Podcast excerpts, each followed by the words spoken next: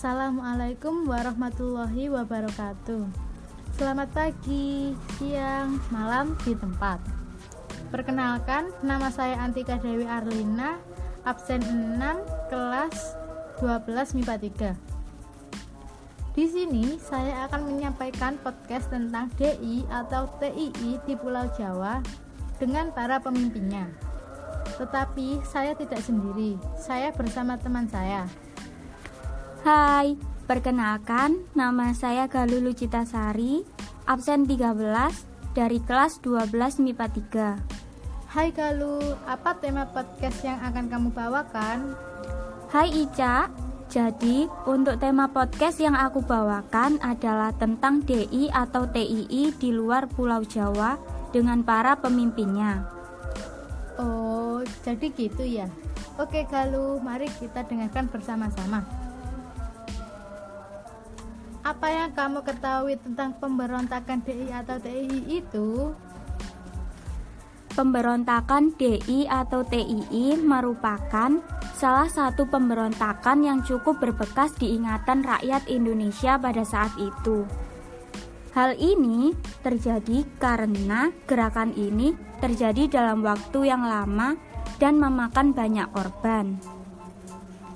Setelah Indonesia merdeka, perjuangan bukannya menjadi lebih mudah, malah menjadi lebih sulit bagi para pahlawan nasional. Sekarang, pemberontakan justru berasal dari dalam negeri, di mana ada kelompok-kelompok penduduk yang tidak puas dengan ideologi yang digunakan oleh pemerintah. Setelah mendapatkan perlawanan yang alot dari banyak pihak, akhirnya pemberontakan tersebut berhasil digagalkan dan pemerintah Indonesia kembali berdaulat. Latar belakang pemberontakan DI atau TII Pemberontakan Darul Islam atau Tentara Islam Indonesia yang kemudian disingkat sebagai DI atau TII merupakan gerakan politik yang awalnya berkembang di Tasikmalaya pemberontakan DI atau TII berakar dari diproklamasikannya negara Islam Indonesia pada 17 Agustus 1949. Hanya berselang beberapa tahun setelah Soekarno memproklamasikan kemerdekaan Indonesia. Gerakan ini diawali dari desa kecil di Tasikmalaya di mana pendirinya adalah Sekar Maji Marijan Kartosuwirjo membentuk gerakan ini. Pemberontakan Darul Islam atau Tentara Islam Indonesia terjadi di beberapa daerah. Salah satu yang paling terkenal adalah di Jawa yang dipimpin oleh Kartosuwirjo dan di Aceh yang dipimpin oleh Daud Baureh Selain itu, ada juga di Jawa Tengah, Kalimantan Selatan, dan Sulawesi Selatan. Maaf Ralat, diproklamasikannya negara Islam Indonesia adalah pada tanggal 7 Agustus 1949.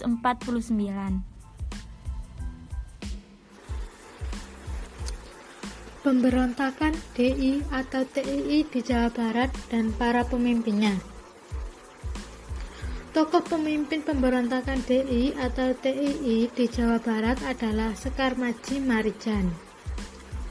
Terjadinya pemberontakan DI atau TII di Jawa Barat ini dilandasi ketidakpuasan dari Kartosuwirjo terhadap kemerdekaan Republik Indonesia.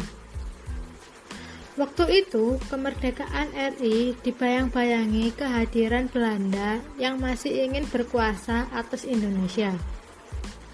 Di awal tahun 1948, terjadi pertemuan antara Kartosuwirjo dengan Panglima Laskar Sabillah dan Raden Oni Syahroni. Pertemuan ini terjadi lantaran ketika tokoh tersebut menentang adanya perjanjian Renville. Mereka menganggap perjanjian tersebut tidak melindungi warga Jawa Barat. Kartosuwirjo Suwirjo lantas mengubah penolakannya dengan membentuk negara Islam, yaitu Negara Islam Indonesia atau NII yang dipimpin oleh dirinya sendiri. Dicetusnya NII ini menjadi bentuk proses dari Kartosuwirjo kepada Belanda, sekaligus untuk Indonesia yang mereka anggap terlalu lemah. Pengaruh dari Kartosuwirjo pun semakin membesar setelah ia mendirikan angkatan bersenjata untuk NI yang bernama Tentara Indonesia Islam Indonesia atau TII. Tujuan dari dibentuknya TII sendiri adalah untuk memerangi pasukan TNI agar bisa memisahkan diri dari negara Indonesia.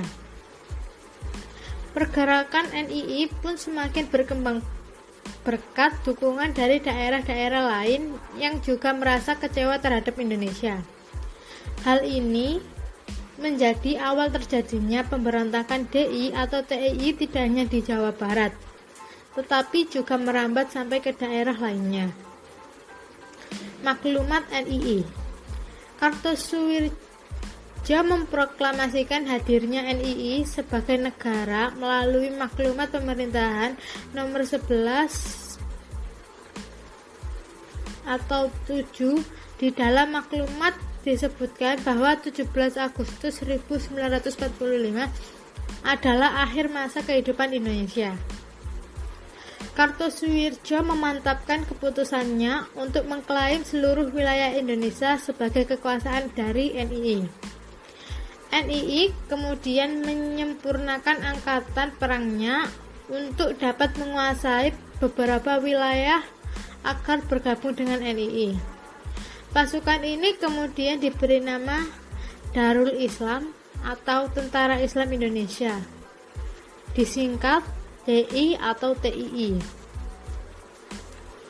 Penangkapan Guna menanggulangi pemberontakan dari DI atau TII di Jawa Barat, pemerintah mengeluarkan peraturan nomor 59 tahun 1958 yang berisikan tentang penumpasan DI atau TII. Salah satu caranya adalah dengan menurunkan pasukan Kodam Siliwangi dan menerapkan taktik pagar betis. Taktik pagar betis ini dilakukan dengan menggunakan tenaga rakyat dengan jumlah ratusan ribu untuk mengepung tempat persembunyian DI atau TII. Tujuan lain dibentuknya pagar betis yaitu untuk mempersempit ruang gerak DI atau TII tersebut. Selain pagar betis, operasi lain yang juga dilakukan oleh Kodam Siliwangi yaitu operasi Bratayuda. Operasi ini dibentuk untuk menemukan tempat persembunyian sang imam NII, yaitu Kartosuwirjo. Setelah melalui perjalanan panjang untuk mencari Kartosuwirjo, dirinya berhasil dibekukan hidup-hidup oleh Letda Suhanda, pemimpin Kompice Batalion 328 Kujang 2 atau Siliwangi. Tertangkapnya Kartosuwirjo ini menjadi awal mula teratasinya pemberontakan DI atau TII banyak dari mereka yang memutuskan untuk menyerah.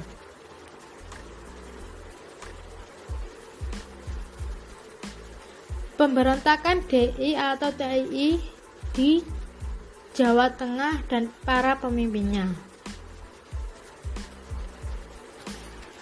Pemberontakan DI atau TII di Jawa Tengah dipimpin oleh Amirul Fatah Wijaya Kusuma atau yang biasa disebut Amir Fatah.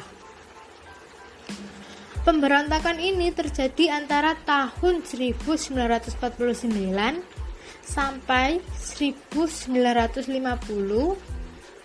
yang dilatar belakangi dengan adanya penandatanganan perjanjian Renville.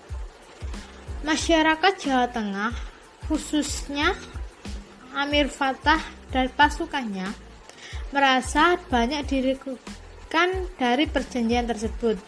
Salah satunya terjadi persengketaan di wilayah Pekalongan. Latar belakang Munculnya gerakan DI atau TII di Jawa Tengah diawali dengan adanya perubahan situasi politik di daerah Tegal, Brebes akibat penandatanganan perjanjian Renville. Dalam perjanjian tersebut disebutkan satu pasal yang berisi bahwa semua kekuatan pasukan RI yang berada di daerah pendudukan Belanda harus ditarik dan ditempatkan di daerah RI. Wilayah Karesidenan Pekalongan termasuk daerah pendudukan Belanda sehingga pasukan RI harus meninggalkan dan mengosongkan daerah tersebut. Namun, meskipun demikian, rupanya tidak semua pasukan meninggalkan daerah tersebut seperti di Brebes dan Tegal. Para pejuang di dua wilayah tersebut masih tetap bertahan dan menyusun strategi untuk melakukan perlawanan. Mereka melakukan operasi militer dengan membentuk gerakan Antareja Republik Indonesia atau disingkat GARI dan gerilya Republik Indonesia bisa disingkat GRI. Terbentuknya dua kedua gerakan ini memicu timbulnya gerakan-gerakan lain yang menghasilkan pemberontakan di Jawa Tengah. Amir Fatah memimpin. Sebelum adanya pemberontakan DI atau TII di bawah kepemimpinan Amir Fatah, di Jawa Tengah sudah lebih dulu pernah muncul gerakan yang serupa dipimpin oleh Abbas Abdullah. Pasukan yang dipimpin Abbas ini bernama pasukan Hizbullah di mana saat itu mereka memutuskan untuk pergi ke wilayah sengketa Indonesia Belanda yaitu Brebes. Sampai di sana, pasukan ini membentuk pasukan baru bernama Mujahidin yang disebut sebagai Majelis Islam atau MI. Bukan hanya pasukan Hizbullah, Amir Fatah juga saat itu tengah mendatangi Brebes. Minatnya untuk kemudian turut bergabung dalam pemberontakan ini adalah karena ia merasa memiliki cara pandang dan ideologi yang sama, khususnya dalam membentuk negara Islam Indonesia. Akhirnya, pada 23 Agustus 1949, Amir bersama teman-temannya memutuskan bergabung dengan NII yang dipelopori oleh Kartosuwiryo. Kartosuwirjo. Sejak saat itu, Amir Fatah beserta kelompoknya melakukan penyerangan terhadap TNI dan beberapa desa seperti desa Rokeh Jati dan Pager Barang akhir pemberontakan. Demi melemahkan kekuatan para tentara Amir Fatah serta penyerangan mereka, TNI membentuk gerakan Banteng Nasional atau GBN. GBN adalah Komando Penumpasan Pemberontakan DI atau TII di Jawa Tengah. Para pemimpin dari GBN sendiri adalah Letnan Kolonel Sarbini, Letnan Kolonel Bahrum, dan Letnan Kolonel Ahmad Yani. Unsur penting yang ada di dalam GBN adalah Banteng Riders, sebuah pasukan elit di bawah kepemimpinan Ahmad Yani untuk memburu gerilyawan DI atau DII.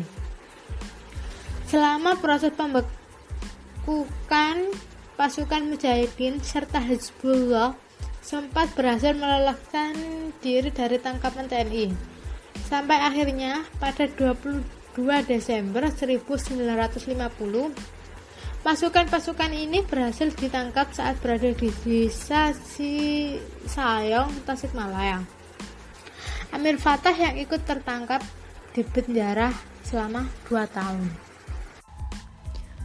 Pemberontakan DI atau TII Kahar Muzakar di Sulawesi Selatan. Pada 1950, peristiwa pemberontakan besar terjadi di Sulawesi Selatan. Peristiwa ini dikenal sebagai pemberontakan Darul Islam atau Tentara Islam Indonesia atau DI atau TII. Kahar Muzakar adalah dalang utama di balik pemberontakan ini. Ia memimpin kelompok gerakan yang bernama Komando Gerilya Sulawesi Selatan atau KGSS dan melakukan berbagai kekacauan di Sulawesi Selatan. Pada Agustus 1953, Kahar Muzakar menjadi pemimpin dari pemberontakan DI atau TII di Sulawesi Selatan. Sama seperti tujuan Ibnu Hajar, Kahar Muzakar merasa kecewa terhadap pemerintah. Ia ingin memperlihatkan reaksinya terhadap banyaknya anggota Tentara Kesatuan Gerilya Sulawesi Selatan yang tidak terima sebagai tentara RI. Selain itu, Kahar Muzakar juga ingin menjadikan syariat Islam sebagai dasar negara Indonesia. Pada 20 Januari 1952, Kahar Muzakar memutuskan untuk bergabung dengan DI atau TII. Pada 7 Agustus 1953, ia mengumumkan jika Sulawesi Selatan dan daerah sekitarnya merupakan bagian dari negara Islam Indonesia. Sejarah pemberontakan Darul Islam atau Tentara Islam Indonesia atau DI atau TII pimpinan Kahar Muzakar pernah berlangsung mulai 1950 sampai 1965.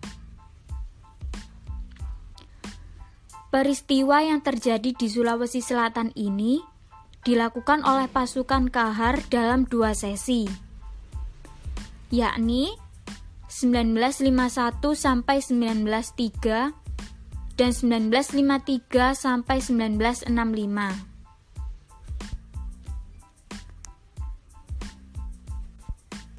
Pada tahap pemberontakan pertama 1950 sampai 1952 Kahar Muzakar dan kelompoknya menggunakan Pancasila sebagai ideologi gerakannya.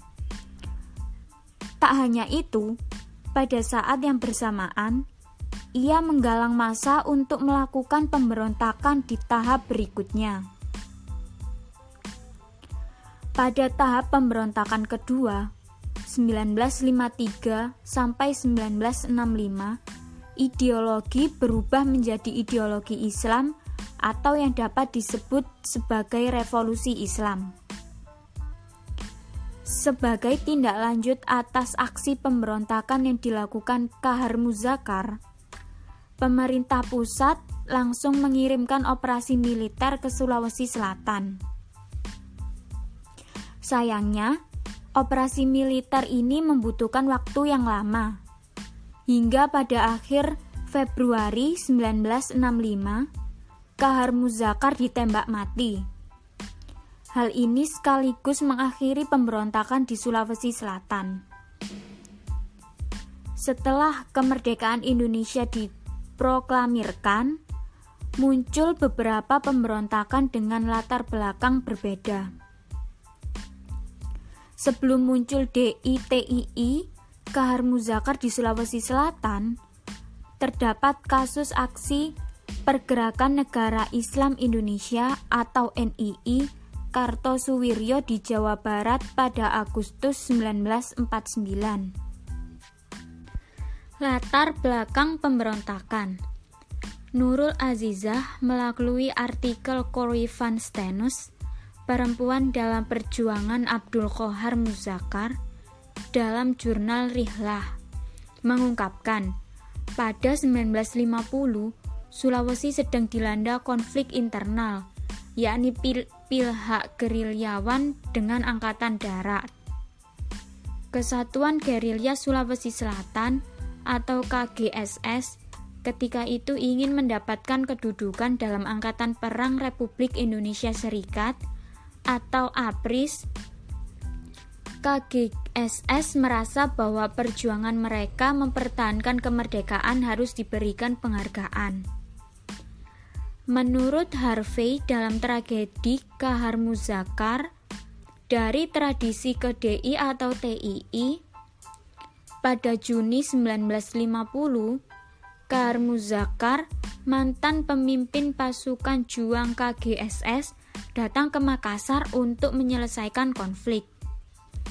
Lalu, tepat 1 Juli 1950, ia mengutarakan maksud KGSS agar bisa menjadi resimen Hasanuddin di dalam Organisasi Tentara Nasional Indonesia atau TNI. Namun, usul tersebut ditolak mentah-mentah. Pada 7 Agustus 1953, Kahar Muzakar bersama pasukan KGSS memutuskan untuk bergabung dalam satu panji NII Kartosuwiryo dan menjalankannya di wilayah Sulawesi Selatan. Kronologi dan penumpasan Dalam Abdul Kohar Muzakar, dari patriot hingga pemberontak 1992, Anhar Gonggong menerangkan pemberontakan terjadi dengan dua periode, yaitu 1951 sampai 1953 dan 1953 sampai 1965. Ia membangun negara yang disebut beragama Islam, namun hanya bisa bergerak dengan cara bergerilya di hutan. Saat itu, kelompoknya disebut Republik Persatuan Islam Indonesia atau RPII dan bermarkas di Gunung Latimojong, Enrekang, Sulawesi Selatan. Mereka bersembunyi di balik rimbunnya hutan-hutan hingga sulit ditemukan oleh pasukan yang ingin menumpasnya. Tidak jarang, malah masyarakat sipil yang sering melihat lalu lalang Kahar Muzakar dan pasukannya ketika hendak ke sungai. Yang kedua adalah pemberontakan DI atau TII Ibnu Hajar di Kalimantan Selatan. Sejarah Perlawanan Darul Islam atau DI atau Tentara Islam Indonesia atau TII Ibnu Hajar di Kalimantan Selatan terjadi sejak Oktober 1950 dan merupakan bagian dari gerakan Negara Islam Indonesia atau NII pimpinan Kartosuwirjo pada 1949. Sebelum melakukan perlawanan atau yang oleh pemerintah Indonesia dianggap pemberontakan, Ibnu Hajar adalah seorang anggota tentara Republik dengan pangkat Letnan II. Ia membelot dengan membentuk kesatuan rakyat yang tertindas dan menyerang pos-pos militer Indonesia di Kalimantan Selatan pada Oktober 1950. Tanggal 7 Agustus 1949, Ibnu Hajar membawa Kesatuan Rakyat yang Tertindas atau KRYT bergabung bersama DI atau TII Jawa Barat pimpinan Sukamaji Marjan Kartosuwirjo untuk membentuk NII. Ibnu Hajar kemudian diangkat sebagai Panglima Angkatan Perang Tentara Islam atau APTI untuk wilayah Kalimantan. Latar belakang pemberontakan Latar belakang terjadinya gerakan DI atau TII di Kalimantan Selatan yang dimotori oleh Ibnu Hajar tidak terlepas dari pengakuan kedaulatan dari Belanda kepada Indonesia yang terjadi pada 27 Desember 1949. Pengakuan kedaulatan itu merupakan hasil dari konferensi meja bundar atau KMB yang digelar di Den Haag, Belanda sebelumnya. Hasil KMB memutuskan bahwa Indonesia akan menerapkan sistem negara serikat atau yang kemudian disebut dengan nama Republik Indonesia Serikat atau RIS. Selanjutnya, akan dibentuk Uni Indonesia Belanda di bawah kekuasaan Kerajaan Belanda. Sebagian kalangan melihat keputusan ini bertentangan dengan cita-cita proklamasi kemerdekaan RI yang kemudian menyepakati bahwa Indonesia adalah negara kesatuan. KMP juga mengatur pembubaran Tentara Kerajaan Hindia Belanda atau KNIL yang dibentuk Belanda pada masa penjajahan atau sebelum Indonesia merdeka. Mantan anggota KNIL akan diseleksi untuk bergabung dengan Angkatan Perang Republik Indonesia Serikat atau APRIS yang sebelumnya bernama Tentara Nasional Indonesia atau TNI. Yang menjadi persoalan, KNIL dianggap sebagai musuh Republik selama berlangsungnya perang mempertahankan kemerdekaan Indonesia pada 1945 hingga 1949.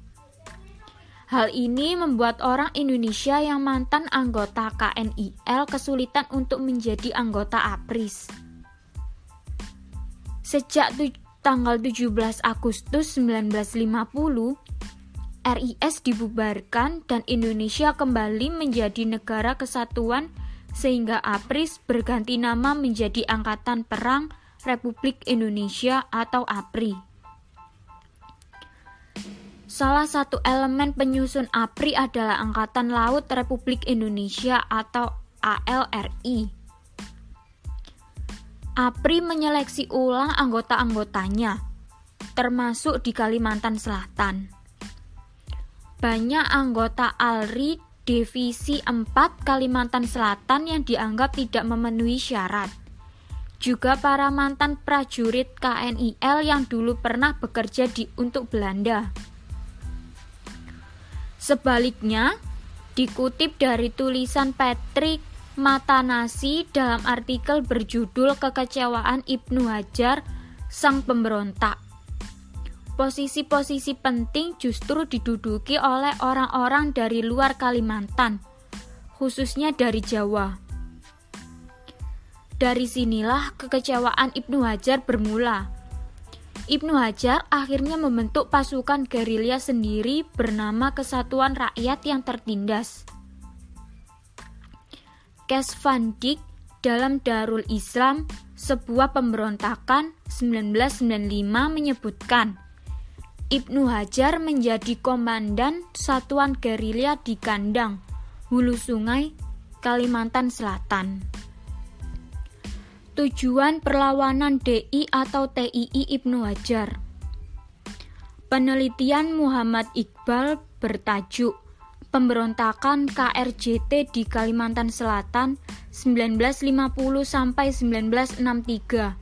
Sebuah kajian awal yang terhimpun dalam jurnal Khazanah 2018 menyebutkan, Kesatuan Rakyat yang tertindas pimpinan Ibnu Hajar bergabung dengan DI atau TII Jawa Barat di bawah Komando Kartosuwirjo pada 7 Agustus 1949. Oleh DI atau TII Kartosuwirjo, Ibnu Hajar kemudian diangkat menjadi Panglima Angkatan Perang Tentara Islam atau APTI yang bertugas di wilayah Kalimantan. Pada Maret 1950, pasukan Ibnu Hajar mulai menyerang pos tentara Indonesia. Setelah penyerangan itu, pengikut Ibnu Hajar bertambah menjadi 250 orang dan memiliki 50 pucuk senjata. Padahal, saat masih berpangkat Letnan II, anggota kesatuan yang dipimpin Ibnu Hajar tidak lebih dari 50 orang. Abti pimpinan Ibnu Hajar yang merupakan bagian dari DI atau TII terus melakukan penyerangan terhadap pos-pos militer Indonesia di Kalimantan Selatan. Situasi ini membuat TNI dan pemerintah bersiap untuk bertindak. Upaya TNI untuk menghentikan pemberontakan DI atau TII Kalimantan Selatan yaitu menggunakan strategi diplomasi dan operasi militer. Diplomasi dilaksanakan pada Oktober 1950 saat Ibnu Hajar masuk ke kandangan Hulu Sungai Selatan, Kalimantan Selatan.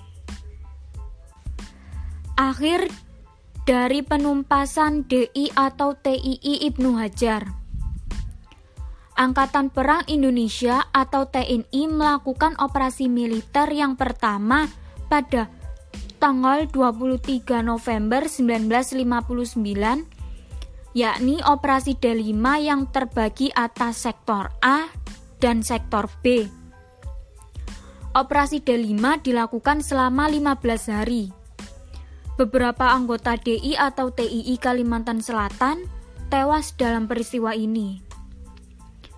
Target untuk menuntaskan gerakan DI atau TII di Kalimantan Selatan adalah sebelum tahun 1962. Maka, TNI segera menggelar operasi militer selanjutnya, yaitu operasi segitiga yang terdiri atas tiga sektor, yaitu sektor A, sektor B, dan sektor C. Fase pertama operasi segitiga dilaksanakan pada 10 Maret 1960. TNI menangkap 9 anggota DI atau TII Kalimantan Selatan menewaskan sejumlah 12 orang, serta menyita 16 pucuk senjata dan beberapa dokumen penting. TNI menemukan alasan mengapa kekuatan pasukan Ibnu Hajar dapat bertahan lama di dalam hutan, yaitu dengan memanfaatkan warga yang keluar masuk hutan dan bertukar barang untuk bertahan hidup maka dikeluarkanlah larangan bagi penduduk untuk melakukan hubungan dengan orang-orang Ibnu Hajar. Sehingga banyak anggota DI atau TII Kalimantan Selatan yang terpaksa menyerahkan diri karena kelaparan. Termasuk kasta Jaja yang punya posisi penting dalam gerakan tersebut. Ibnu Hajar dan para anggotanya yang tersisa kemudian melakukan serangan gerilya agar bisa melarikan diri ke perbatasan Kalimantan Selatan dan Kalimantan Timur. TNI bereaksi dengan melancarkan operasi militer yang disebut Operasi Riko.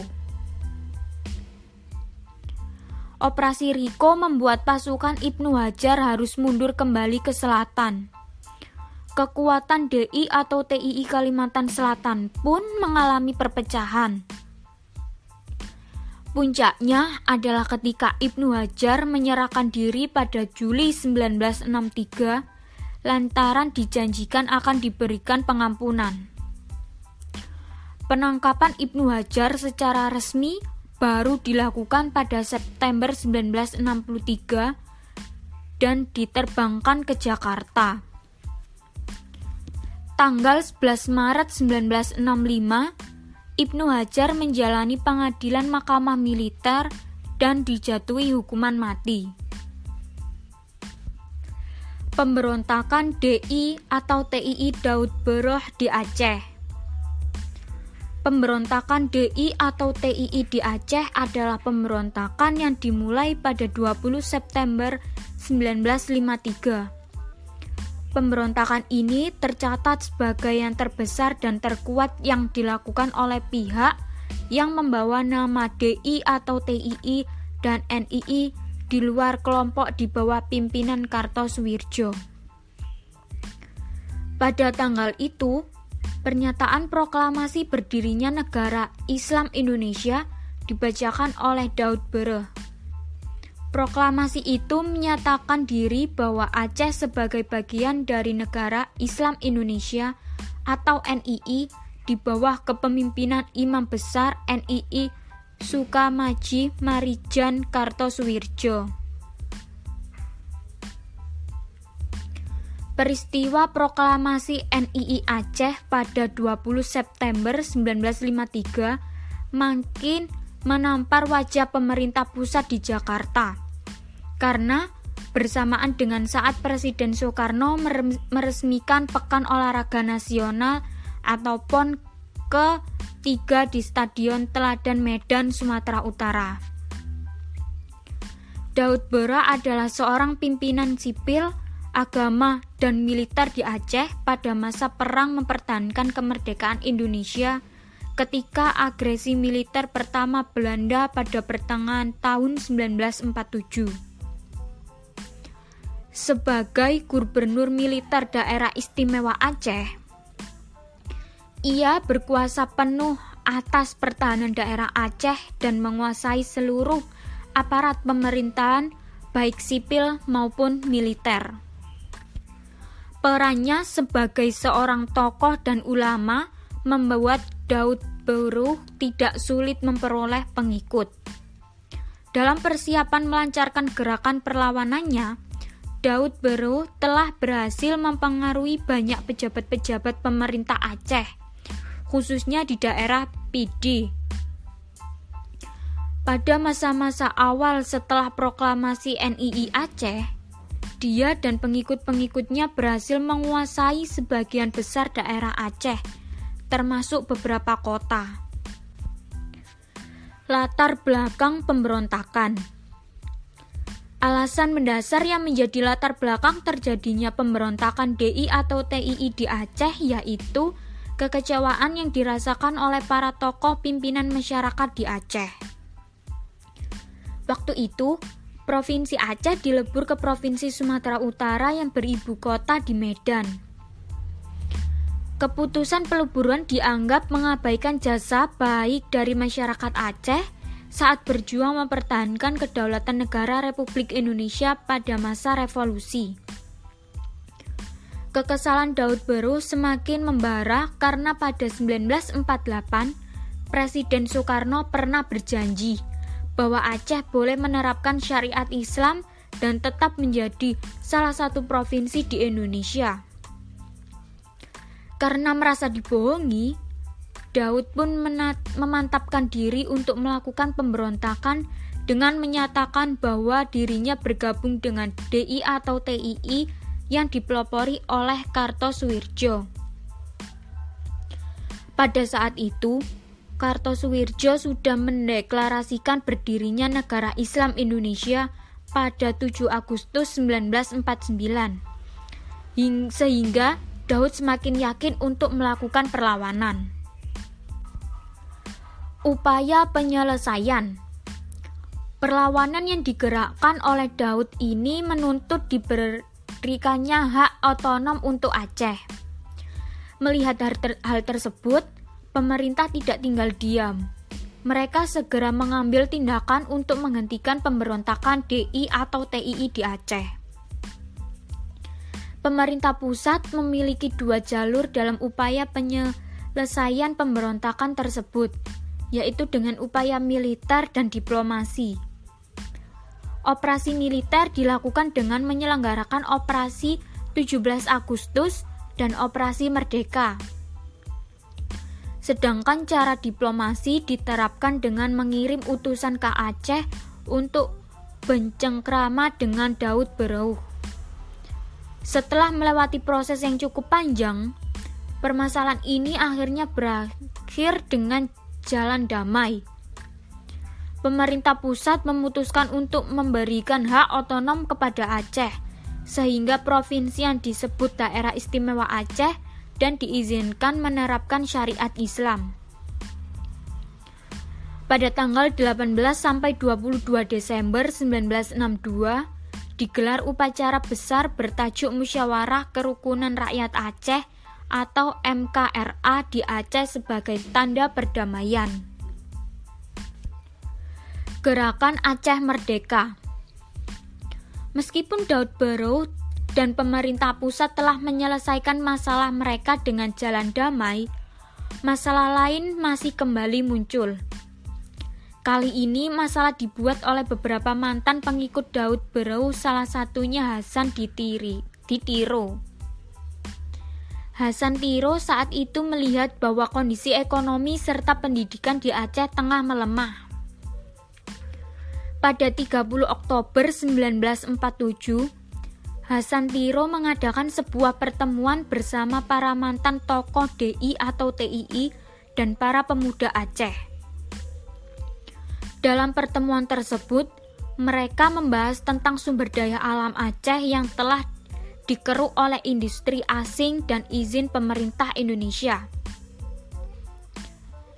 Bermula dari hal tersebut, muncul gerakan Aceh Merdeka atau GAM. GAM berkembang sangat lama, sejak tahun 1976 sampai 2005. Perlawanan GAM dan upaya penumpasannya memakan belasan ribu korban jiwa. Nah, teman-teman, akhirnya kita sudah sampai di akhir dari podcast ini. Galuh, apakah ada yang ingin ditambahkan lagi untuk penutupan podcast kali ini? Iya, Ica, ada. Untuk teman-teman, maaf bila ada salah kata pengucapan dan jika ada kata yang menyinggung perasaan kalian meskipun itu tidak ada.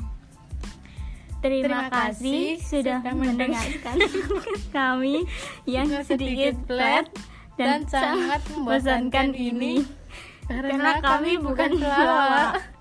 Sekian dari kami. Wassalamualaikum warahmatullahi wabarakatuh.